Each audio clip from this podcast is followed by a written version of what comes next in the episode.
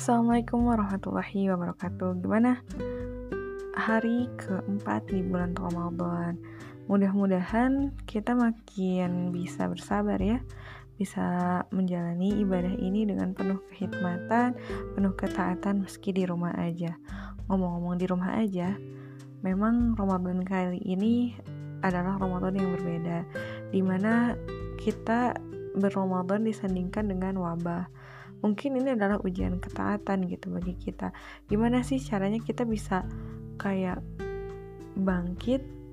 Bukan bangkit ya kita bisa taat meskipun um, seperti apa ya kalau misalnya dari dulu-dulu kan Ramadan itu identik dengan masjid sedangkan kita hari ini sedang uh, physical distancing ya social distancing gitu-gitu sedang sedang harus di rumah aja gitu nggak nggak ada kerumunan, nggak ada itikaf, nggak ada buka bareng, nggak ada kajian ilmu yang harus kita datang. Itu benar-benar luar biasa ya karena lingkungan itu ngaruh banget ya sama iman gitu ya.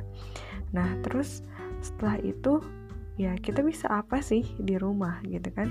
Nah dari awal juga kita udah kita udah bahas tentang menentukan target di bulan Ramadan kayak gitu kan? Nah tapi hmm, banyak juga orang yang bilang ini tuh uh, skill rebahan tuh lagi dibutuhkan banget udah mas saum terus teh harus di rumah aja. Ya udah itu mah tidur. Nggak apa-apa tuh tidur dah. Atau tidur mah ibadah saum juga gitu ya. Iya kan? Kayak sekarang tidur ibadah lagi saum. Ya kalau pas pas tidur aja ibadah gimana kalau melakukan hal-hal yang lebih produktif? Pasti luar biasa kan itu pahalanya kayak gitu.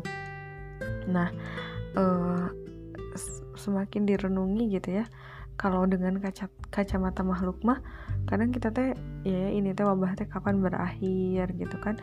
Jadi kayak eh, nggak uh, tenang gitu kayak mengkhawatirkan ini aku aku sidang jadi gak ya gitu.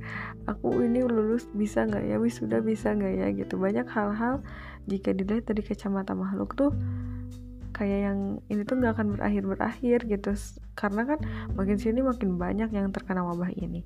Tapi kalau dengan kekuatan Allah balik lagi gitu. Kita ini makhluk yang terbatas kita ini butuh Allah maka kita dapat bermunajat kepada Allah dengan penuh kesabaran dan kesungguhan kayak gitu Nah sekarang ketika kita di, di, diuji ketaatan ya, kita bisa di rumah aja. Banyak hal kan yang bisa dilakukan. Nah di sini kayak ngingetin lagi dari Ibnu Qayyim al Jauziyah kan.